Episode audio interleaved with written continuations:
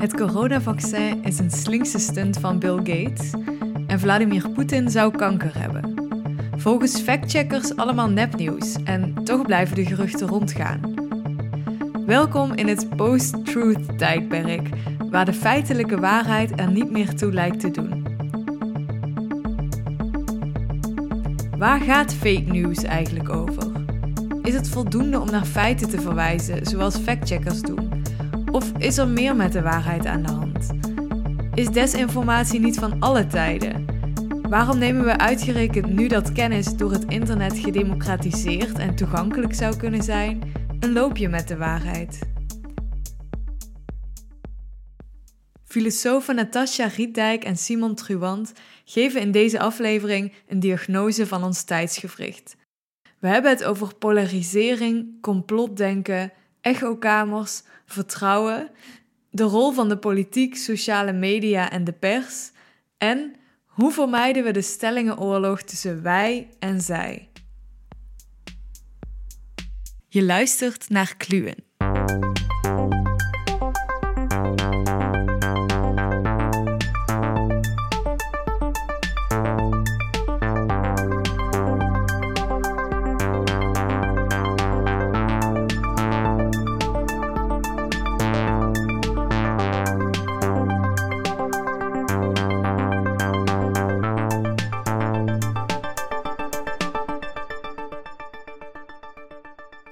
Fake news, post-truth, nepnieuws en post-waarheid. Ik weet niet of er een Nederlandse vertaling is. zijn enorme buswoorden. Uh, we hebben er allemaal ideeën bij, maar uh, ik zit hier samen met twee filosofen vandaag. Uh, om eerst en vooral eens te vragen, wat zijn die dingen eigenlijk waarover mensen het hebben? Fake news, post-truth, klinkt intimiderend. Het is ook intimiderend. Ook nog voor jullie? Klopt. Ja, toch wel, hè omdat het ook heel veel verschillende dingen betreft, waardoor je heel goed moet opletten waarover je het precies wil hebben en tegen wie je soms een standpunt aan het innemen bent zonder dat je het weet. Ik denk dat dat bij fake news bijvoorbeeld heel duidelijk is, omdat dat oorspronkelijk een term was voor ja, echt zogezegde krantenartikels die eigenlijk helemaal niet door journalisten gemaakt waren, die uh, op een bepaald moment vooral in, uh, door tieners in Macedonië gemaakt werden tijdens de Brexit en de verkiezing van uh, Donald Trump. En die wel gepresenteerd werden als nieuws. Maar daar zat geen journalistieke drijfveer achter, daar zat ook geen waarheidsvinding achter. Dat ging over pure propaganda.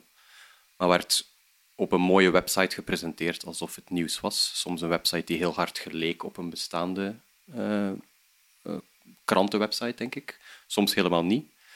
Maar daarna is bijvoorbeeld Donald Trump, maar ook heel veel andere mensen, net die term gaan gebruiken om echt nieuws dat hun niet beviel eigenlijk te gaan discrediteren. En dat is de term waarin het nu lijkt mij meer gebruikt wordt soms dan de oorspronkelijke.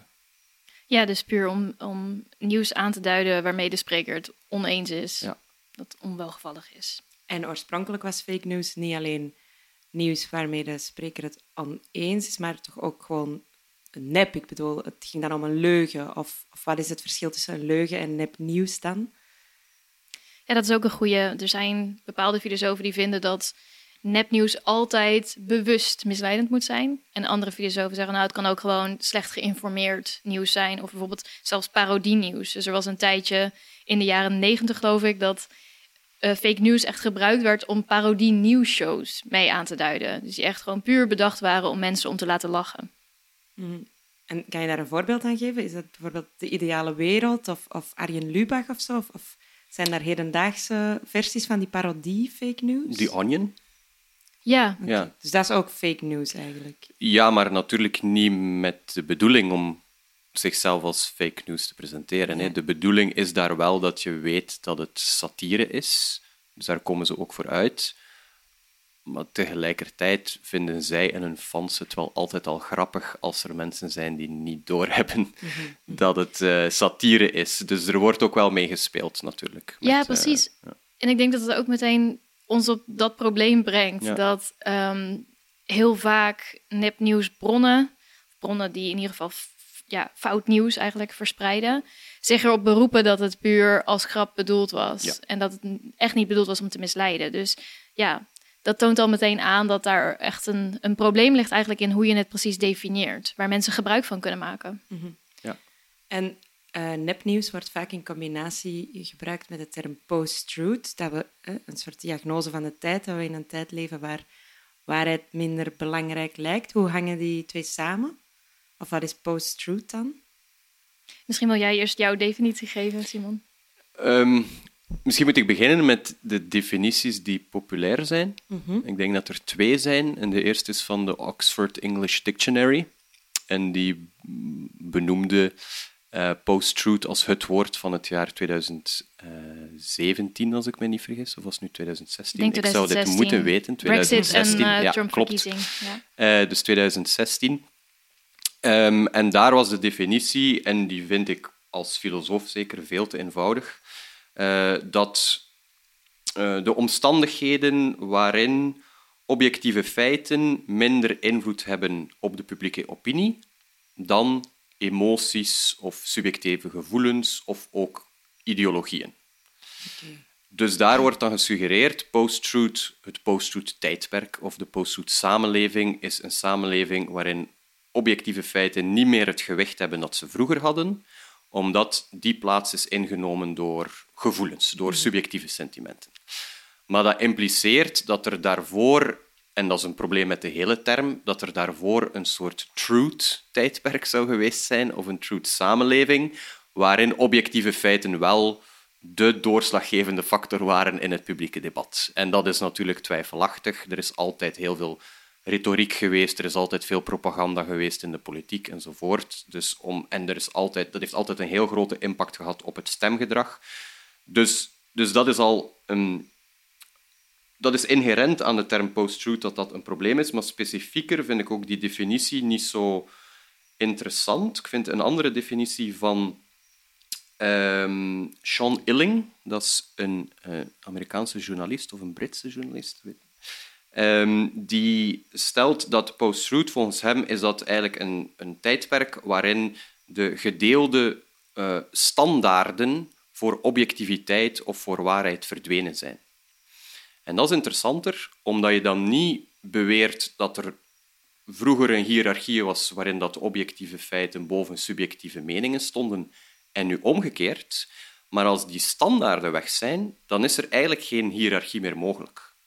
Dus dan kun je geen onderscheid meer maken tussen objectiviteit en subjectiviteit, tussen waarheid en een mening en die soort zaken. Hm? En dat lijkt mij veel interessanter, omdat ik denk dat we echt in een tijdperk leven waarin dat die standaarden verdwijnen, hè, omdat, we niet meer omdat we minder vertrouwen hebben of geloof hebben, geloof hebben in de wetenschap, of in de journalistiek, of in de politici, of in rechters. En dat zijn eigenlijk allemaal... Dat waren vroeger autoriteiten die eigenlijk een bepaalde standaard voor objectiviteit stelden. Dus een onderscheid maakten tussen wat een objectieve uitspraak is, die je dan verder wel nog kan bediscussiëren, en een subjectieve mening. En dat onderscheid lijkt weg te vallen. Is dat iets waar jij het mee eens zou zijn als je post-truth zou definiëren? Ja, ik vind dat wel een mooie definitie. Ik heb zelf een definitie gehanteerd en dat ging specifiek over post-truth politiek. Van een politiek discours waarin men niet om feiten lijkt te geven. En de, de lijkt is belangrijk daar, want dat is zeker niet altijd zo dat mensen er daadwerkelijk niet om geven als ze post-truth politiek doen. Maar het kan zo overkomen, omdat ze bijvoorbeeld inderdaad bepaalde vormen van feiten, bijvoorbeeld wetenschappelijk bewijs, niet erkennen als waarheid. Dus in die zin lijken ze niet om feiten te geven, maar wat het eigenlijk betekent is dat feiten voor hen anders zijn. Kan je een voorbeeld geven ehm, in de Nederlandse, Vlaamse of, of, of Amerikaanse politiek waar dat iemand aan zo'n post-truth politiek deed? Ja, ik denk dat een, een heel veel voorkomend voorbeeld is van klimaatontkenners. En die heb je in ieder land wel gehad, maar bijvoorbeeld ook ehm, COVID-ontkenners. Mensen die gewoon zeiden niet te geloven dat COVID ofwel bestaat of een probleem is, dat maar gevaarlijk is. Maar ook eh, die mensen natuurlijk, ik, ik weet niet hoe, eh, wat zij precies denken en het zal ook wel verschillen van mens tot mens, maar vaak reiken zij toch ook een soort argumenten aan die dan eh, voor hen wel de waarheid lijken. Ehm, hoe, hoe zie je dat dan? Ja, hoe past dat in zo'n theorie van post-truth? Het is, het, is niet waarschijnlijk dat zij denken, ik geef niks om de waarheid. Zij hebben ook een soort waarheid toch in hun beleving in pacht. Ja, ik denk dat je daar al meteen op een, um, eigenlijk een tweedeling stuit. Van mensen die inderdaad gewoon echt niet geloven dat er klimaatverandering is en dat het door de mens komt. En mensen voor wie het gewoon politiek heel goed uitkomt om te mm. ontkennen dat er menselijk veroorzaakte klimaatverandering is. Dus ik denk dat allebei die groepen wel een grote rol spelen. Want er zijn natuurlijk allebei politieke en economische belangen ook bij om klimaatverandering te ontkennen. Mhm. En denk je dan dat ze weten dat ze uh, aan die ontkenning bezig zijn? Dat ze heel bewust dus weten, dit is de waarheid, maar ik ga ze ontkennen? Of hoe werkt dat dan? Ja, opnieuw zullen daar verschillende groepen in te onderscheiden zijn. Maar over het algemeen ben ik bang dat waar um, klimaatontkenners echt onder de lobby van grote bedrijven zitten, dat ze mhm. wel degelijk goed weten waar ze mee bezig zijn. Oké. Ben je het daarmee eens? Ja, ehm, ik, ik denk dat het zelf inderdaad zeer belangrijk is om in te zien dat, um, dat mensen die dan vaak als post-shooters worden gecatalogiseerd, dat die dat niet zelf zo beleven. Hm, dus een van de, van de grote voorbeelden uh, toen die term post-truth in het begin gebruikt werd, was het voorbeeld van de, de, theorie die door Trump en zijn aanhangers werd verspreid, dat uh, de Democratische Partij in, uh, in de Verenigde Staten, met Hillary Clinton aan het hoofd daarvan, dat die een pedofilie-netwerk runden en dan meer specifiek in een, uh, een pizza-restaurant in Washington, D.C. En er was dus één man die dat geloofde en die doorheen verschillende staten was gereden met, met zijn auto en bewapend die, die, dat pizza-restaurant was binnengevallen. Hmm. Om zij achteraf te verifiëren of dat, dat klopt. Hè? Om te zien of dat daar in de kelder iets ja, uh, onfris uh, te vinden valt. Dus dat is natuurlijk wel, als zij dat zegt, ja, hij komt daar eigenlijk om een bepaalde waarheid te ontdekken. Voor, voor jullie en voor mij, en misschien ook voor veel luisteraars, klinkt dit compleet absurd. Hè? Dit, dit, lijkt niets met waarheid te maken te hebben. Het lijkt iemand die volledig gebrainwashed is door een, door een uh, complottheorie. Maar die persoon zelf zei wel, ik ging naar daar om uit te vissen of dit waar is. Hm? Dus die geloofde in een heel ander soort waarheid. Hm. En ik denk dat dat interessant is om, om in acht te nemen als we het over post-truth hebben, dat er eigenlijk verschillende soorten van, van waarheid zijn die een rol spelen in hoe wij denken en hoe die publieke opinie gevormd worden. En feitelijke waarheid is daar één van. Hmm. En dus je kan ja, post-truth zijn in de zin dat je niks meer geeft om objectieve wetenschappelijke feiten, waarmee ik niet wil zeggen dat objectieve wetenschappelijke feiten dat dat iets volledig duidelijk is en dat we weten wat dat exact betekent. Maar bon, er zijn dus mensen die daar helemaal niks meer om geven, maar die wel heel hard gefixeerd zijn op de waarheid achterhalen. Die ook vinden dat de waarheid over de gestolen verkiezing in de Verenigde Staten dat dat, dat, dat, eh, dat, dat uh, aangetoond moet worden. Mhm. Dus die zullen zeer luid en oprecht eh, claimen dat zij wel ook op zoek zijn naar de waarheid. Maar het gaat over een andere soort waarheid. Wat voor waarheid zijn zij dan naar op zoek? Wel, dat is bijvoorbeeld een een ideologische waarheid. Ze hebben een bepaald wereldbeeld waarin dat zij en misschien de mensen in hun omgeving in de verdrukking raken door de, door de verandering in de samenleving. Uh, of die hebben een gevoelde waarheid, waarin dat zij gewoon heel veel schrik hebben, ook weer over dingen die veranderen, uh, denkbeelden die veranderen, structuren in de samenleving die veranderen. En ik vind dat dat soorten van, van waarheid zijn die we, die we, waar we heel veel aandacht aan moeten besteden. Dus niet alleen maar de objectieve waarheid en het belang daarvan gaan, uh, uh, gaan in stand houden, hè, want we moeten dat zeker doen. We mogen niet uh, de wetenschap zomaar laten ondermijnen. Maar de geleefde waarheid van, van individuen is, is, is psychologisch gezien even belangrijk mm. of belangrijker. Ideologische waarheid is wat, wat politieke debatten vormgeeft. Dus daarom vind ik die, die definitie van het, het verloren gaan van standaarden voor waarheid vind ik interessant, maar ik zou ze niet alleen maar toepassen op objectieve feitenwaarheid en de standaard daarvan, maar ook het verschil met de standaard voor ja, wat is zinvolle ideologische waarheid, wat is een zinvolle, relevante, uh, ook um, ja, democratisch aanvaardbare uiting van, van persoonlijke waarheid. Daar zitten ook allemaal standaarden aan verbonden. Uh, maar dat compliceert het verhaal enorm. Huh? Uh, ja, dat vind ik ook wel interessant. Nu wordt het heel interessant, omdat ik... Dat was een vraag die ik ook had voorbereid. Hè. Er, um, enerzijds willen we de feitelijke waarheid uh, wel benadrukken of, of, of, behouden natuurlijk.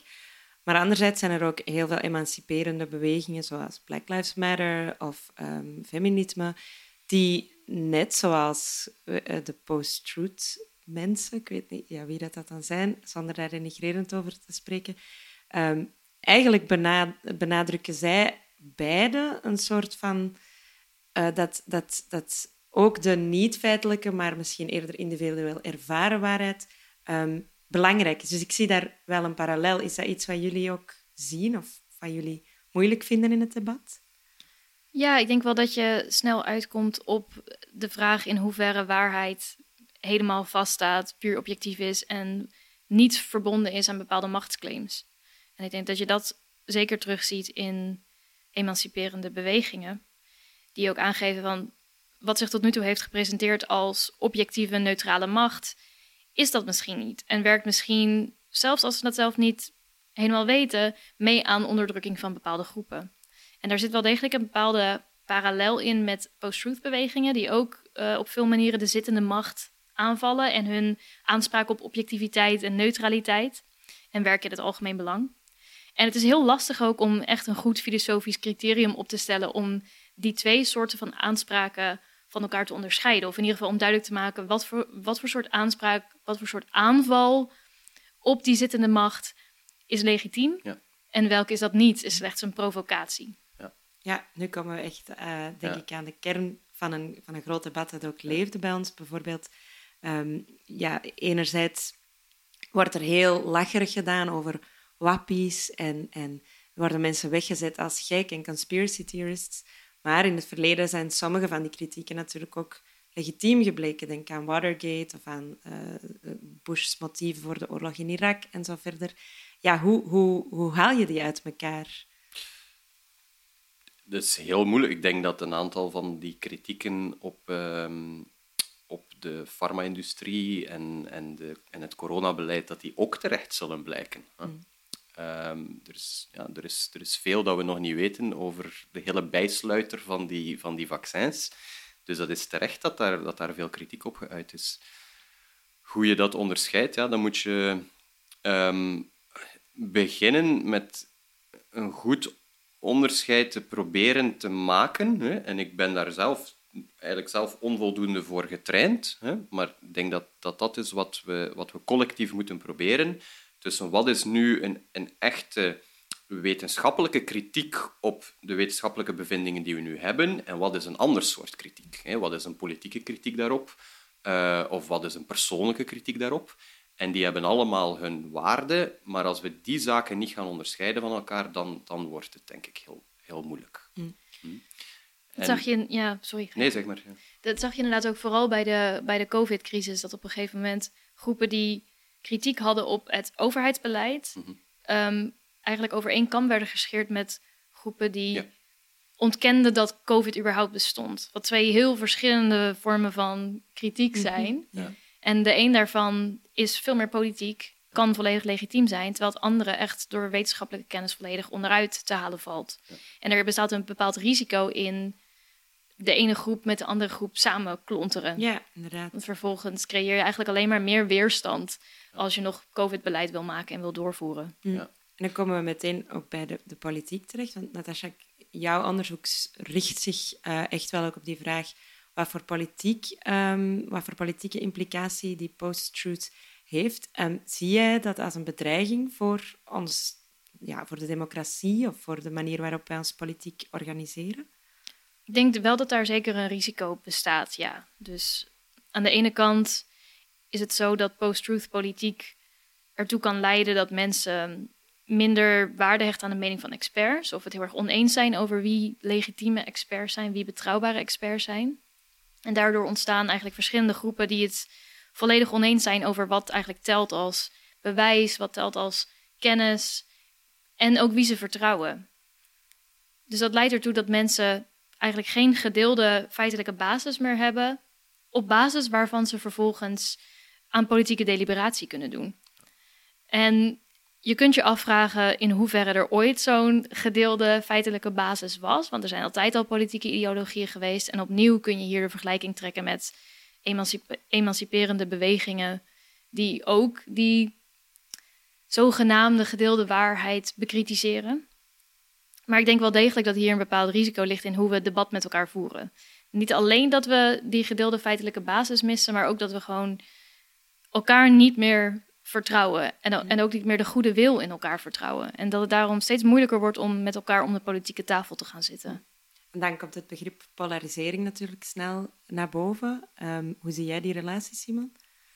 Um, ik wou het nog inpikken, dus inderdaad wordt ook vaak over een post-trust uh, tijdperk of samenleving gepraat. En dat zou in sommige aspecten eigenlijk misschien verduidelijkender kunnen zijn dan post-truth. Dus post-trust in degene die vroeger de standaarden zetten. Dus dan krijg je dat verlies van standaarden.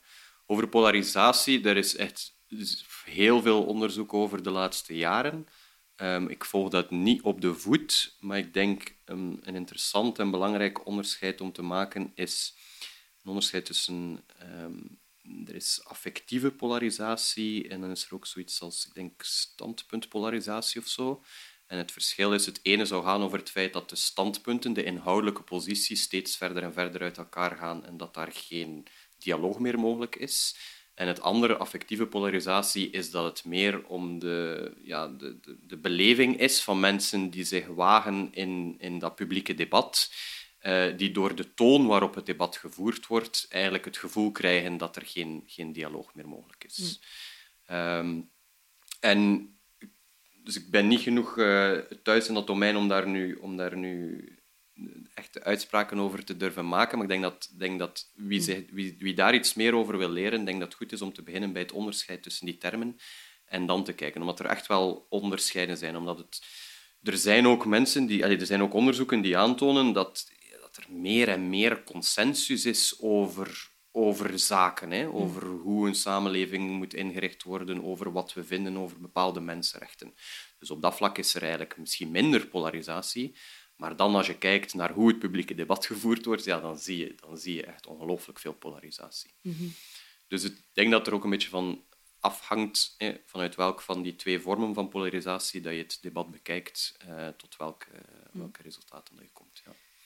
Een, een, andere belangrijke kanttekening om te maken is dat de politieke situatie in verschillende landen natuurlijk ook behoorlijk verschilt. Dus heel veel van deze discussie over post-truth, het is een Engels woord, is gebaseerd op het systeem in Amerika of het systeem in Groot-Brittannië of het Verenigd Koninkrijk, waarin ook twee partijen dominant zijn. En dus er sowieso al een bepaalde ja, polariserende, dualistische beweging is. En in Nederland en in Vlaanderen ligt dat echt wel wat genuanceerder. Mhm. En ik weet in ieder geval dat in Nederland er ook onderzoek is gedaan naar hoe de politieke partijen grotendeels meer naar elkaar toe zijn bewogen.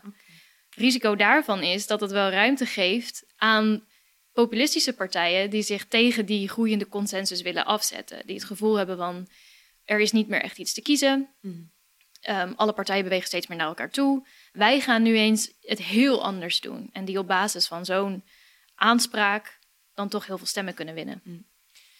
Iets wat mij ook nog interesseert is de vraag waarom ehm, post-truth of post-trust en alles waar we het nu over hebben, precies nu zo'n topic is. Want zoals Simon al zei, ehm, ja, waarschijnlijk zijn er al uh, doorheen heel de geschiedenis voorbeelden van mensen die de waarheid niet helemaal nauw nemen of die leugens verspreiden in het nieuws. Maar waarom is het dan precies op dit tijdsgevricht zo uit de hand gelopen, zeg maar? Ja, ik denk dat een grote rol wel door social media gespeeld wordt daarin. Dat um, überhaupt het verspreiden van nieuws niet meer door de traditionele epistemische autoriteitskanalen loopt. Maar dat eigenlijk iedereen nu nieuws online kan zetten en nieuws kan delen. En dat heeft heel veel mogelijke voordelen. Het democratiseert het nieuwsdomein eigenlijk. Um, je kunt veel makkelijker met elkaar communiceren. Het is voor individuen steeds makkelijker om met die nieuwsorganisaties of met de nieuwsverspreiders te communiceren. Maar het is ook zo dat daardoor de traditionele gatekeepers van de waarheid ja, eigenlijk van de troon gestoten zijn, Ja. zou je kunnen zeggen. Dus er zijn bepaalde journalistieke standaarden waar traditionele journalistiek zich aan moet houden. Natuurlijk houdt niet elke journalist zich daar altijd aan, maar er zijn bepaalde regels voor hoe journalistiek moet werken, waar social media zich niet aan houdt en niet aan hoeft te houden. Maar je ziet wel dat social media en ook traditionele mediakanalen nu wel afkomen met factcheckers. En dan staat er ergens bij een tweet van dit is geverifieerd of niet geverifieerd. Ehm, zijn dat oplossingen waar we naartoe moeten dan? Helpt dat, dat feitelijk checken? Het helpt wel een beetje, maar het probleem met factchecken is dat het kost ontzettend veel tijd. Veel meer tijd dan het ooit kost om nepnieuws de wereld in te sturen. Dus je loopt altijd gewoon een paar stappen achter. Hmm. En, en het is heel moeilijk om dat echt te voorkomen op een manier die niet ontzettend problematisch is voor de vrijheid van meningsuiting. Je zou natuurlijk van tevoren al mensen kunnen blokkeren als je vermoedt dat ze nepnieuws de wereld in gaan sturen. Maar dat is eigenlijk mensen bij voorbaat de mond snoeren op een heel problematische manier. Dus ik weet niet of hier echt een goede oplossing voor is. Ja.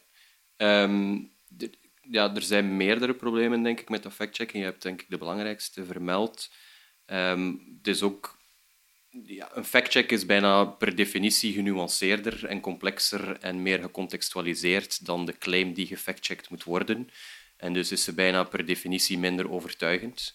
Eh, het, het, kost de kijker of de lezer veel meer tijd om dat tot zich te nemen dan die factcheck. Dus er is daar een, eh, ja, in principe al een nadeel voor, voor de factcheck. Bovendien herhaalt de factcheck vaak ook datgene wat eigenlijk eh, ja, ontkracht wordt. Hè. In, niet in alle gevallen, maar in, in sommige gevallen. Eh, waardoor dat er soms meer rugbaarheid nog gegeven wordt aan eh, die claim, die eigenlijk nonsens blijkt te zijn in heel veel gevallen. En ook het feit dat ze gefactcheckt wordt, geeft soms een bepaalde vorm van legitimiteit aan die oorspronkelijke claim. Dus dat zijn allemaal zaken die een factcheck ehm, en een factchecker eigenlijk altijd ja, voor een, een zwaar, tegenover, met een zware achterstand eigenlijk, eh, aan de taak zetten. Maar toch vind ik het heel belangrijk dat het gebeurt, al is het maar als signaalfunctie. Hm? Dat er wel nog dat mensen nog geven om, eh, om feiten. eh, en dat we het belangrijk achten om dat te controleren. Mijn, mijn bredere filosofische ehm, probleem niet met factchecken zozeer, maar met hele grote nadruk op factchecken als de oplossing, is dat het opnieuw dat idee van waarheid alleen maar bij feitelijkheid legt. En dan is het enige dat we proberen te verdedigen, is eigenlijk een soort objectieve wetenschappelijke of journali- journalistieke eh, waarheid, terwijl dat ja, alle andere vormen van waarheid daardoor eigenlijk niet aangeraakt worden.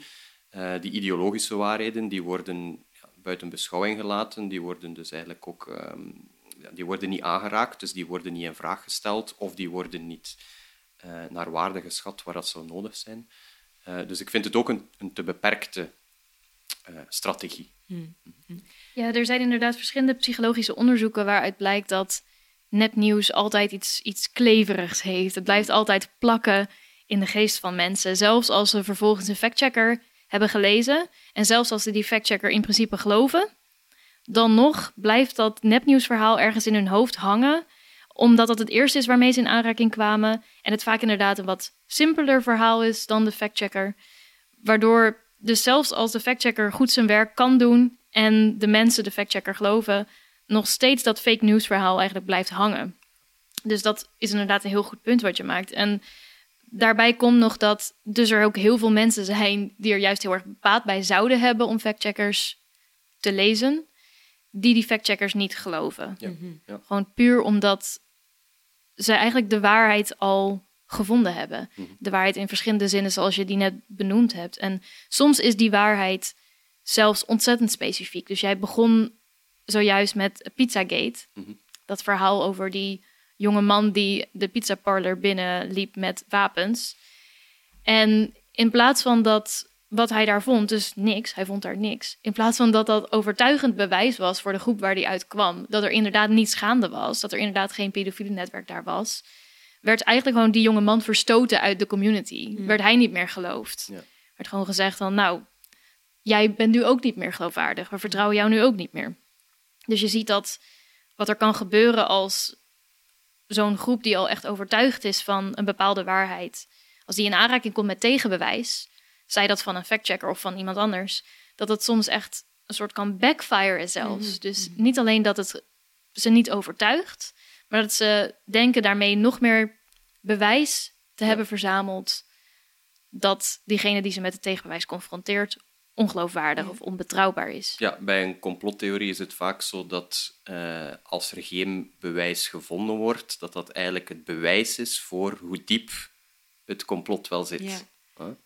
Dus Is dan is de politie bijvoorbeeld, die, die, ik zeg nu maar in dit geval, de politie die die jonge man gevat heeft, eh, zou dan deel zijn van het complot, doordat ze ervoor gezorgd even, hebben dat hij niet voldoende heeft kunnen onderzoeken wat daar wel gebeurt in dat pizza-restaurant. Dus dat is het probleem natuurlijk bij zo'n ehm, ja, bij zo'n complottheorie, dat die niet gefalsifieerd kan worden. Hè. Dus dat er nooit, ja, dat als er geen bewijs blijkt te zijn, dat dat eigenlijk gewoon gebruikt wordt om, om te zeggen van ja, kijk, zelfs, zelfs eh, het wordt gewoon nog, nog, eh, nog harder ehm, eh, verborgen de waarheid dan, eh, dan we eigenlijk nu al hebben gezocht. Ja. Complottheorieën zijn één vorm, zou je kunnen zeggen, van nepnieuws of van hoe post-truth zich uit. Ehm, een vorm die, die bij mij soms naar boven komt, is, is misschien een subtielere vorm. Dat ik niet meer weet wie of wat te geloven als je bijvoorbeeld kijkt naar ehm, de oorlog in Oekraïne en Ja. de, de verschillende nieuwsbronnen die we daarover kunnen raadplegen. Het zijn allemaal bronnen uit het Westen. En je, je vertrouwt op de media dat ze, dat ze feiten presenteren. Tegelijk krijg je ook het idee van, ja, in Rusland is er propaganda. In hoeverre is er westerse propaganda? Wat moet ik geloven? Ehm, hoe, hoe, kan je, ja, hoe, hoe kan je daar eigenlijk door de bomen nog het bos zien? Hebben jullie daar een idee over? Misschien Nou- asking for a friend? Ik denk zeker dat dit een van de belangrijkste strategieën is van de post-truth politicus. Dus als je echt iemand indenkt die mensen wil verwarren, die mensen op het verkeerde been wil zetten, dan is iemand overstelpen of het publiek overstelpen met verschillende tegenstrijdige verhalen echt bij uitstek de tactiek om te bereiken dat mensen verward raken, niet meer weten wat te geloven, niet meer weten wie te geloven en daar eigenlijk in berusten. Ook niet meer echt op zoek gaan naar de waarheid. Dus en dit is zeker ook een, een strategie die veel gebruikt wordt door het Kremlin. Ja, dus ik denk de term desinformatie, die ook heel vaak gebruikt wordt, en die dus moet onderscheiden worden van misinformatie. Misinformatie is gewoon verkeerde informatie en dat kan per ongeluk zijn. Desinformatie is doelbewust proberen mensen te desinformeren, dus ervoor te zorgen dat ze niet goed geïnformeerd zijn, dat ze in de war zijn. En dat is, ik denk dat die term zelfs uit het Russisch komt oorspronkelijk. En dat, is een, dat was een, een, ja, een zeer eh, geoliede eh, strategie, propagandastrategie eh, vanuit het Kremlin. al tijdens de tijden van de Sovjet-Unie nog, waarin bijvoorbeeld het, het, ehm, het publiek, dus de burgers, voortdurend tegenstrijdige verhalen gevoed worden. Dus er wordt hen niet één leugen gevoed, die voortdurend en voortdurend herhaald wordt. Dat gebeurt ook in sommige situaties. Maar ook voortdurend tegenstrijdige verhalen, waardoor je op den duur niet meer weet en beseft dat je niet meer weet wat nu eigenlijk waar is, wat je kan geloven. En de bedoeling is dat je het opgeeft. Dat je stopt met het te proberen te achterhalen en dat je denkt, ja, het maakt mij niet uit. Eh, dus dat je onverschillig wordt. Hè. En dus die onverschilligheid, je hebt het ook al gezegd, ik denk dat dat een, een duidelijk kenmerk is van, van de post-truth samenleving. Eh, dat is ook de, eh, de omschrijving die, die de filosoof eh, Harry Frankfurt gaf aan bullshit. Hè? Dat je onverschillig wordt ten aanzien van wat nu echt het geval is.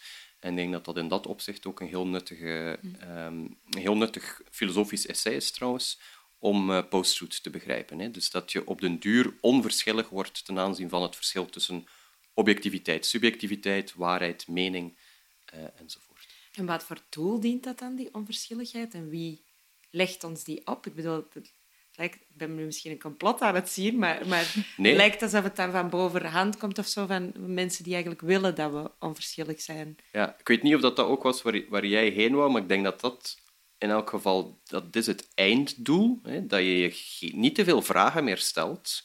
Dat het jou niet meer kan boeien, omdat je denkt dat het niet uitmaakt, omdat je het toch niet kan achterhalen.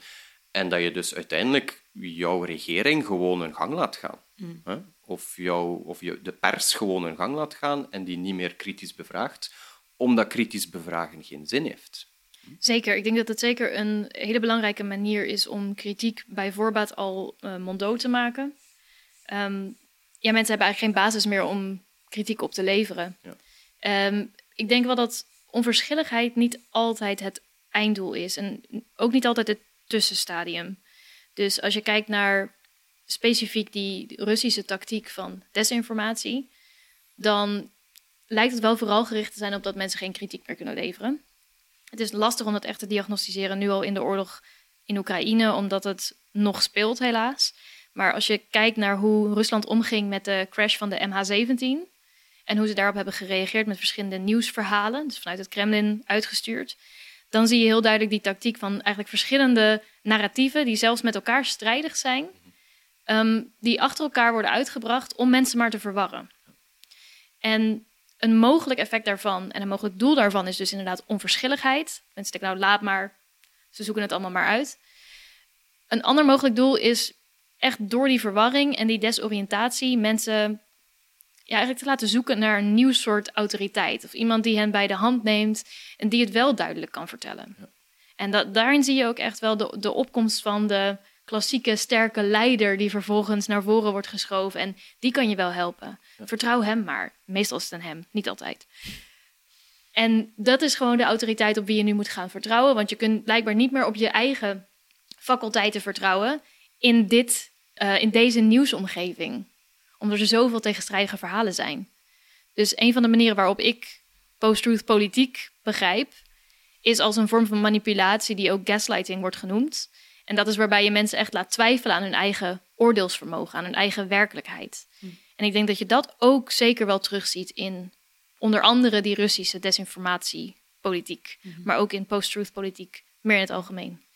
Gaslighten is een term die we eerder kennen vanuit uh, ja, interpersoonlijke relaties. Dat één iemand tegen iemand anders doet of aandoet. Maar jij zegt dus dat het ook op een soort collectieve manier begrepen zou kunnen worden. Dat je eigenlijk een hele bevolking kan gaslighten. Of begrijp ik dat verkeerd? In ieder geval lijkt het bijzonder veel op gaslighting. Of je het ook echt zo wilt noemen, is natuurlijk een tweede. En ik ben inderdaad geïnspireerd door het psychologische begrip gaslighting. Dus daarin zie je dat inderdaad één persoon een andere persoon gaslight. Om te zorgen dat diegene eigenlijk afhankelijker van hem of haar wordt. Mhm. Dus de manipulator maakt degene die gemanipuleerd wordt nog afhankelijker omdat diegene niet meer weet wat de waarheid is en in wie te geloven, et cetera. En ik denk dat je zeker een parallel kunt trekken met post-truth politiek. Dus onder andere die verwarringsstrategie, dus eigenlijk verschillende narratieven op iemand afvuren en het diegene zelf maar laten uitzoeken, waar iemand heel erg verward en gedesoriënteerd van kan raken. Maar ook het feit dat heel vaak in post-truth politiek mensen ook geïsoleerd worden van elkaar en van verschillende vormen van autoriteiten of verschillende vormen van epistemische bronnen die hen zouden kunnen helpen om de waarheid te vinden. En tot slot ook dat er gewoon soms keihard feiten ontkend worden in post-truth politiek. En dat doen gaslighters ook regelmatig als het hen goed uitkomt. Ik ben nu zelf eigenlijk al tamelijk gedesoriënteerd, moet ik zeggen. Want um, enerzijds hoorde ik in ons gesprek al dat het vertrouwen weg is en dat het dus misschien hè, dat we moeten zoeken naar een soort uh, herstel van dat vertrouwen. Anderzijds hoor ik nu dat ik misschien ook collectief gegaslight word. En dan ben ik ook niet zo happig om terug te gaan vertrouwen. Dat maakt me eerder wantrouwig. Ehm, ja, hoe raak ik uit die spanning? Hebben jullie daar praktische tips voor? Of waar moeten we dan eigenlijk naartoe?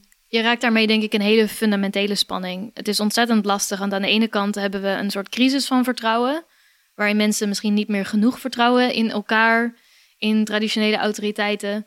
En tegelijkertijd zie je dat mensen misschien soms juist te veel vertrouwen. Bijna op een, op een blind vertrouwen af.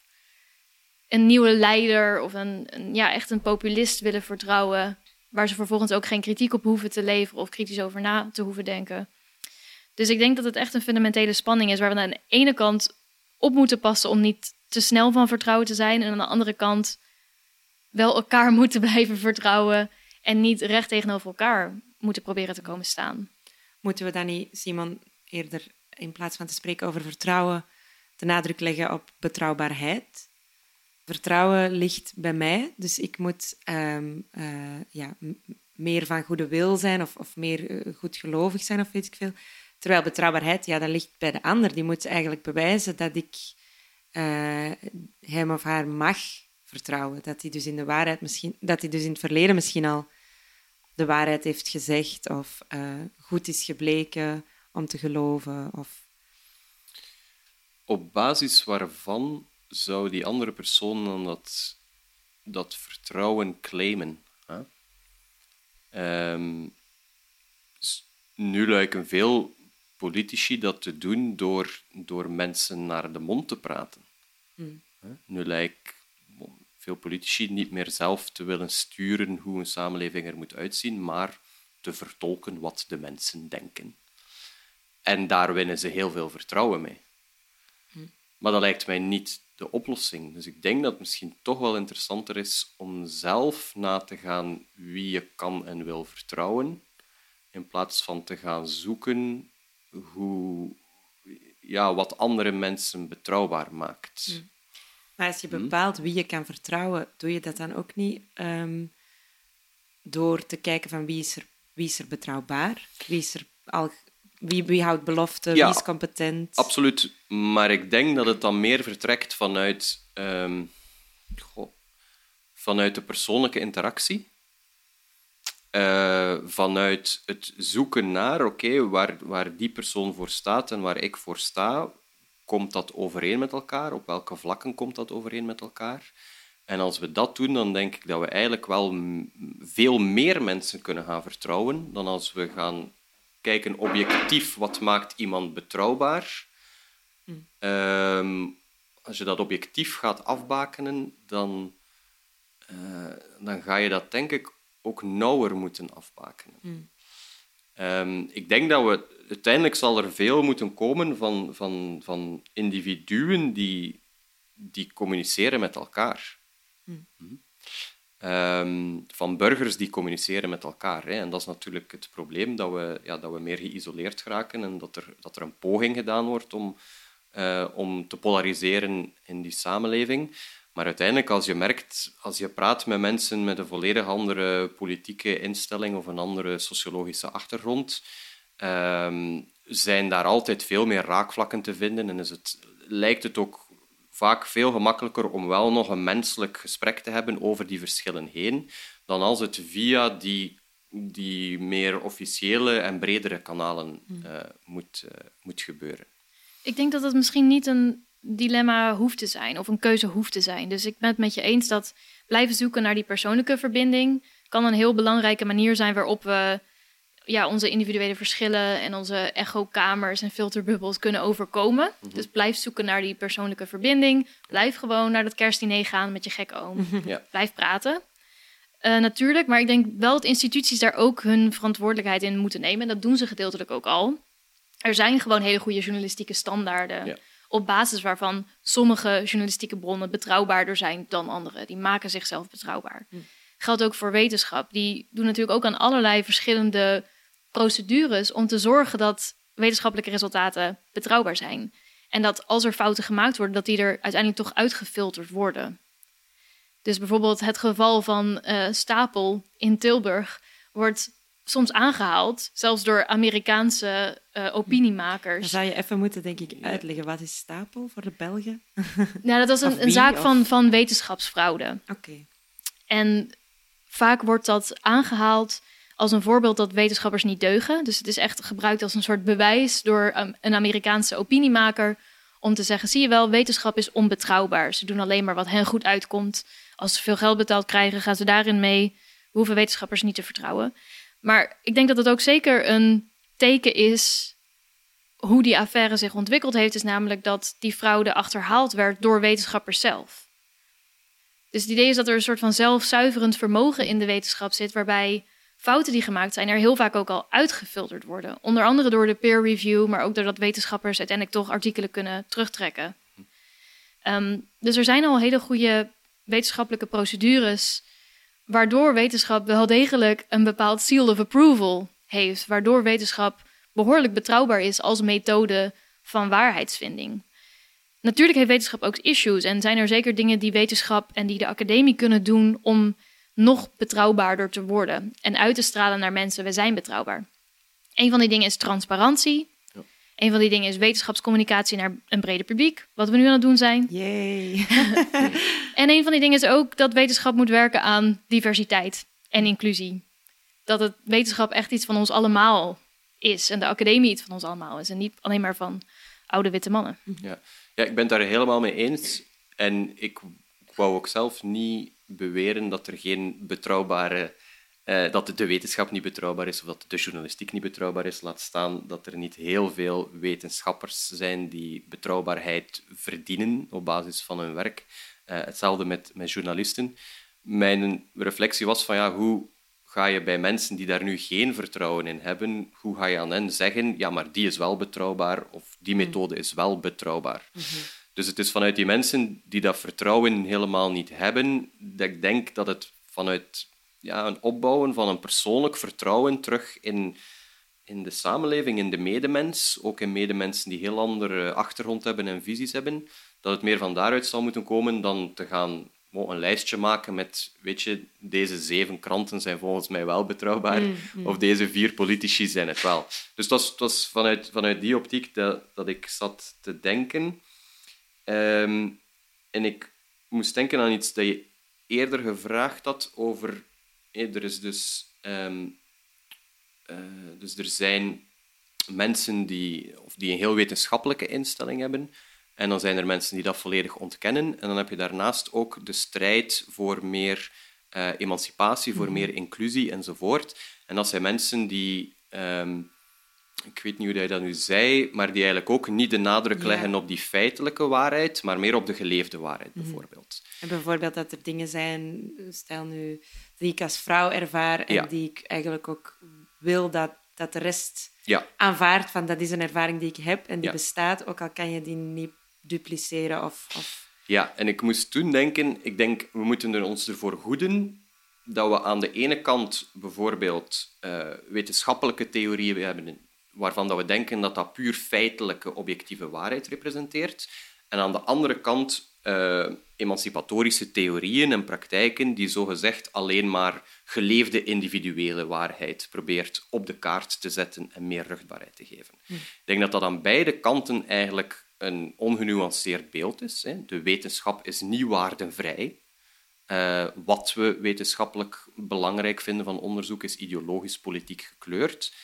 Eh, aan de andere kant ook die, eh, die politieke strijd voor meer diversiteit en inclusie en emancipatie wordt door heel veel wetenschappelijke bevindingen ondersteund. Hè. Dus het gaat niet alleen maar over het individu die zegt ik wil als vrouw hier op deze manier erkend worden of als persoon van kleur mijn persoonlijk verhaal moet gehoord worden en ge- gehonoreerd worden. Nee, veel van, bedoel, heel veel eh, vormen van, van discriminatie zijn ook wetenschappelijk aangetoond. Hm? En dat maakt het denk ik wel mogelijk, doordat je niet feitenmensen en dan gevoelsmensen tegen elkaar plaatst in een debat. Als je ziet dat het op alle twee... Dat, het, dat, dat, dat, iedereen zowel geïnteresseerd is in feiten en feiten nodig heeft om een, om een wereld en leven vorm en zin en structuur te geven, maar ook heel veel overtuigingen en ideologieën om dat mee te doen. Ik denk als we... En ik kom, kom altijd weer terecht bij mijn, bij mijn punt over de meerdere waarheden. Hè, maar als we erkennen dat we zelf op meerdere vormen van waarheid nodig hebben om zin te geven aan ons leven, en dan ook zien dat andere mensen dat ook nodig hebben, ik denk dat we dan meer vertrouwen kunnen, kunnen vinden in elkaar. Hè. Eh, omdat we dan raakpunten kunnen vinden in, in de, de persoonlijke beleving waarvan dat we meer erkenning willen. Als we dat voldoende loskoppelen van, van, een, ja, van wat er feitelijk waar zou zijn, en, en het omgekeerde ook, dat we niet alleen maar puur feitelijke debatten gaan, gaan voeren, maar dat we ook daar begrijpen waarom dat iemand gemotiveerd is om bepaalde feiten meer waarde toe te kennen eh, dan andere. Hoor ik bij jou dan... Ik hoor dan toch geen eh, waarheidsrelativisme ook niet. Dus je zegt er zijn meerdere waarheden, maar dat wil niet zeggen dat iedereen maar mag geloven wat hij zomaar wilt, of wel? Nee, dus wat ik ehm, verdedig eh, is een waarheidspluralisme, maar niet een pluralisme in de zin van jij hebt jouw mening en iemand anders heeft, heeft hun mening, maar een pluralisme van soorten mening. Hm, Dus feitelijke mening, dat is op basis van is iets verifieerbaar, objectief waar. Ehm, ideologische eh, waarheden, dat is waar als het klopt met mijn andere overtuigingen en mijn wereldbeeld. Ehm, pragmatische waarheden, dat klopt, dat is waar omdat het klopt, omdat het werkt voor mij en de mensen rondom mij. En geleefde waarheid, dat is waar omdat het waar voelt. En ik kan niet anders dan dat als waar aanvoelen. Maar elk van die vormen van waarheden hebben hun eigen standaarden. Dus die zijn niet relatief. Hè? Ja. Wat een objectief feit is, wat objectief waar is, ja, moet voldoen aan een aantal standaarden. Wat ideologisch waar kan zijn, moet voldoen aan een aantal ja, coherente standaarden van coherentie, standaarden van menselijkheid, standaarden van ja, kunnen meerdere mensen zich hierin vinden. Geleefde waarheid moet ook voldoen aan een aantal standaarden, dat je niet om het even wat zegt, maar dat als je zoiets uit, dat het ook echt gemeend is en niet puur strategisch of, of zo. Dus geen relativisme, eh, niet je zegt zomaar wat. Als je een waarheidsclaim uit, dan moet dat gegrond zijn. Maar waarin dat, dat gegrond is, kan denk ik wel op meerdere, dus op een pluralistische manier eh, gebeuren. Natasha, hoe ga je dan om met die verschillende soorten waarheid? Kan je die zomaar tegenover elkaar plaatsen in een debat? Of hoe werkt dat dan? Er bestaat een bepaald risico als journalisten twee partijen tegenover elkaar zetten waarvan het lijkt alsof die evenveel gelijk hebben, terwijl een van beide partijen eigenlijk veel meer bewijsmateriaal, Ja. veel meer goede reden heeft om hun punt te maken. Aan het begin van deze aflevering had ik het al even over klimaatontkenners. Wat er soms gebeurt in bijvoorbeeld een televisieshow is dat een klimaatontkenner tegenover een wetenschapper gezet wordt en gezegd wordt: Kijk, we hebben hier een debat. Dit zijn twee even waardevolle meningen over wat er aan de hand is met het klimaat. Terwijl je ziet dat een van beide partijen veel meer wetenschappelijke consensus achter zich heeft staan. En de ander meer op bepaald anekdotisch bewijs aan het redeneren is. Dus journalisten hebben ook een rol in die zin dat ze niet moeten doen alsof sommige debatten gelijkelijk verdeeld zijn, waar dat niet zo is. Dat kan namelijk een verkeerde indruk wekken. Ja, daar- ik- ja. Nee, daar ben ik het helemaal mee eens.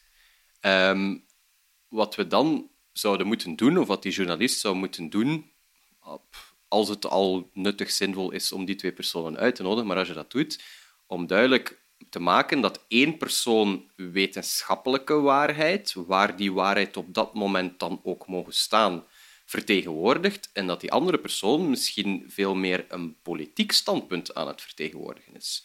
Maar wat we nu vaak krijgen, is een debat waarin er zogeze- dat zogezegd als een wetenschappelijk debat wordt voorgesteld. Hè, en dan lijken ze de twee individuen op gelijke hoogte te staan, wat niet waar is. De ene persoon is een wetenschappelijk expert en de andere is heel vaak iemand die vanuit politieke overwegingen vragen stelt bij, bij eigenlijk heel dat wetenschappelijk project op dat moment.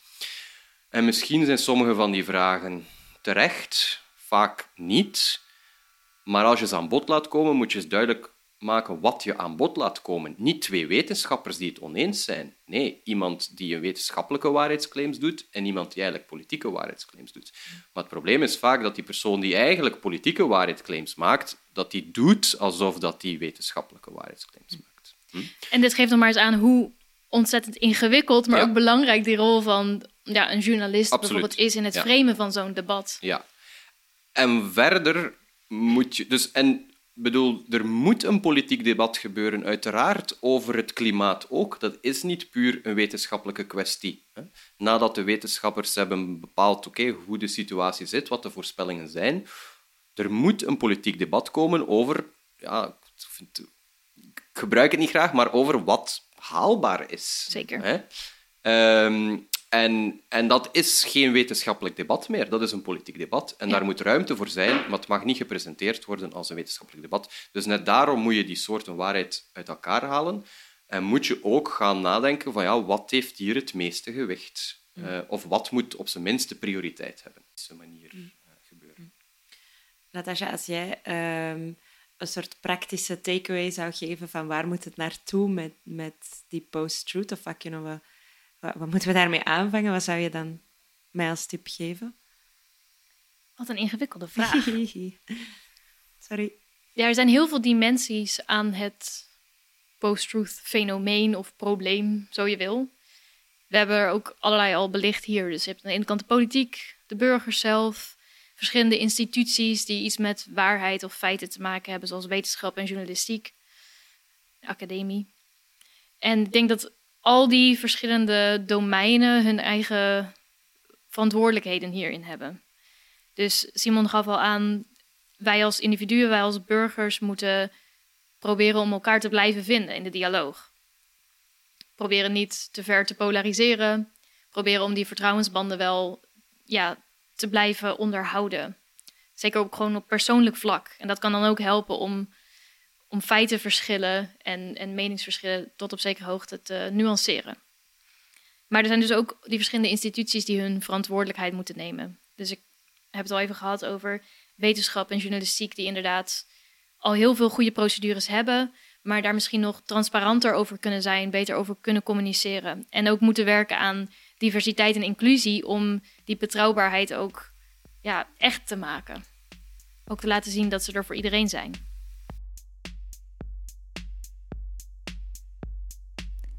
Je luisterde naar Kluwen. Bedankt aan Natasja en Simon en aan Anne Lucassen voor het beeld. Wat vond je van deze aflevering? Deel jouw waarheid met ons via de socials. De volgende keer gaan we het hebben over architectuur. Wat dat te maken heeft met filosofie? Je hoort het in de volgende aflevering.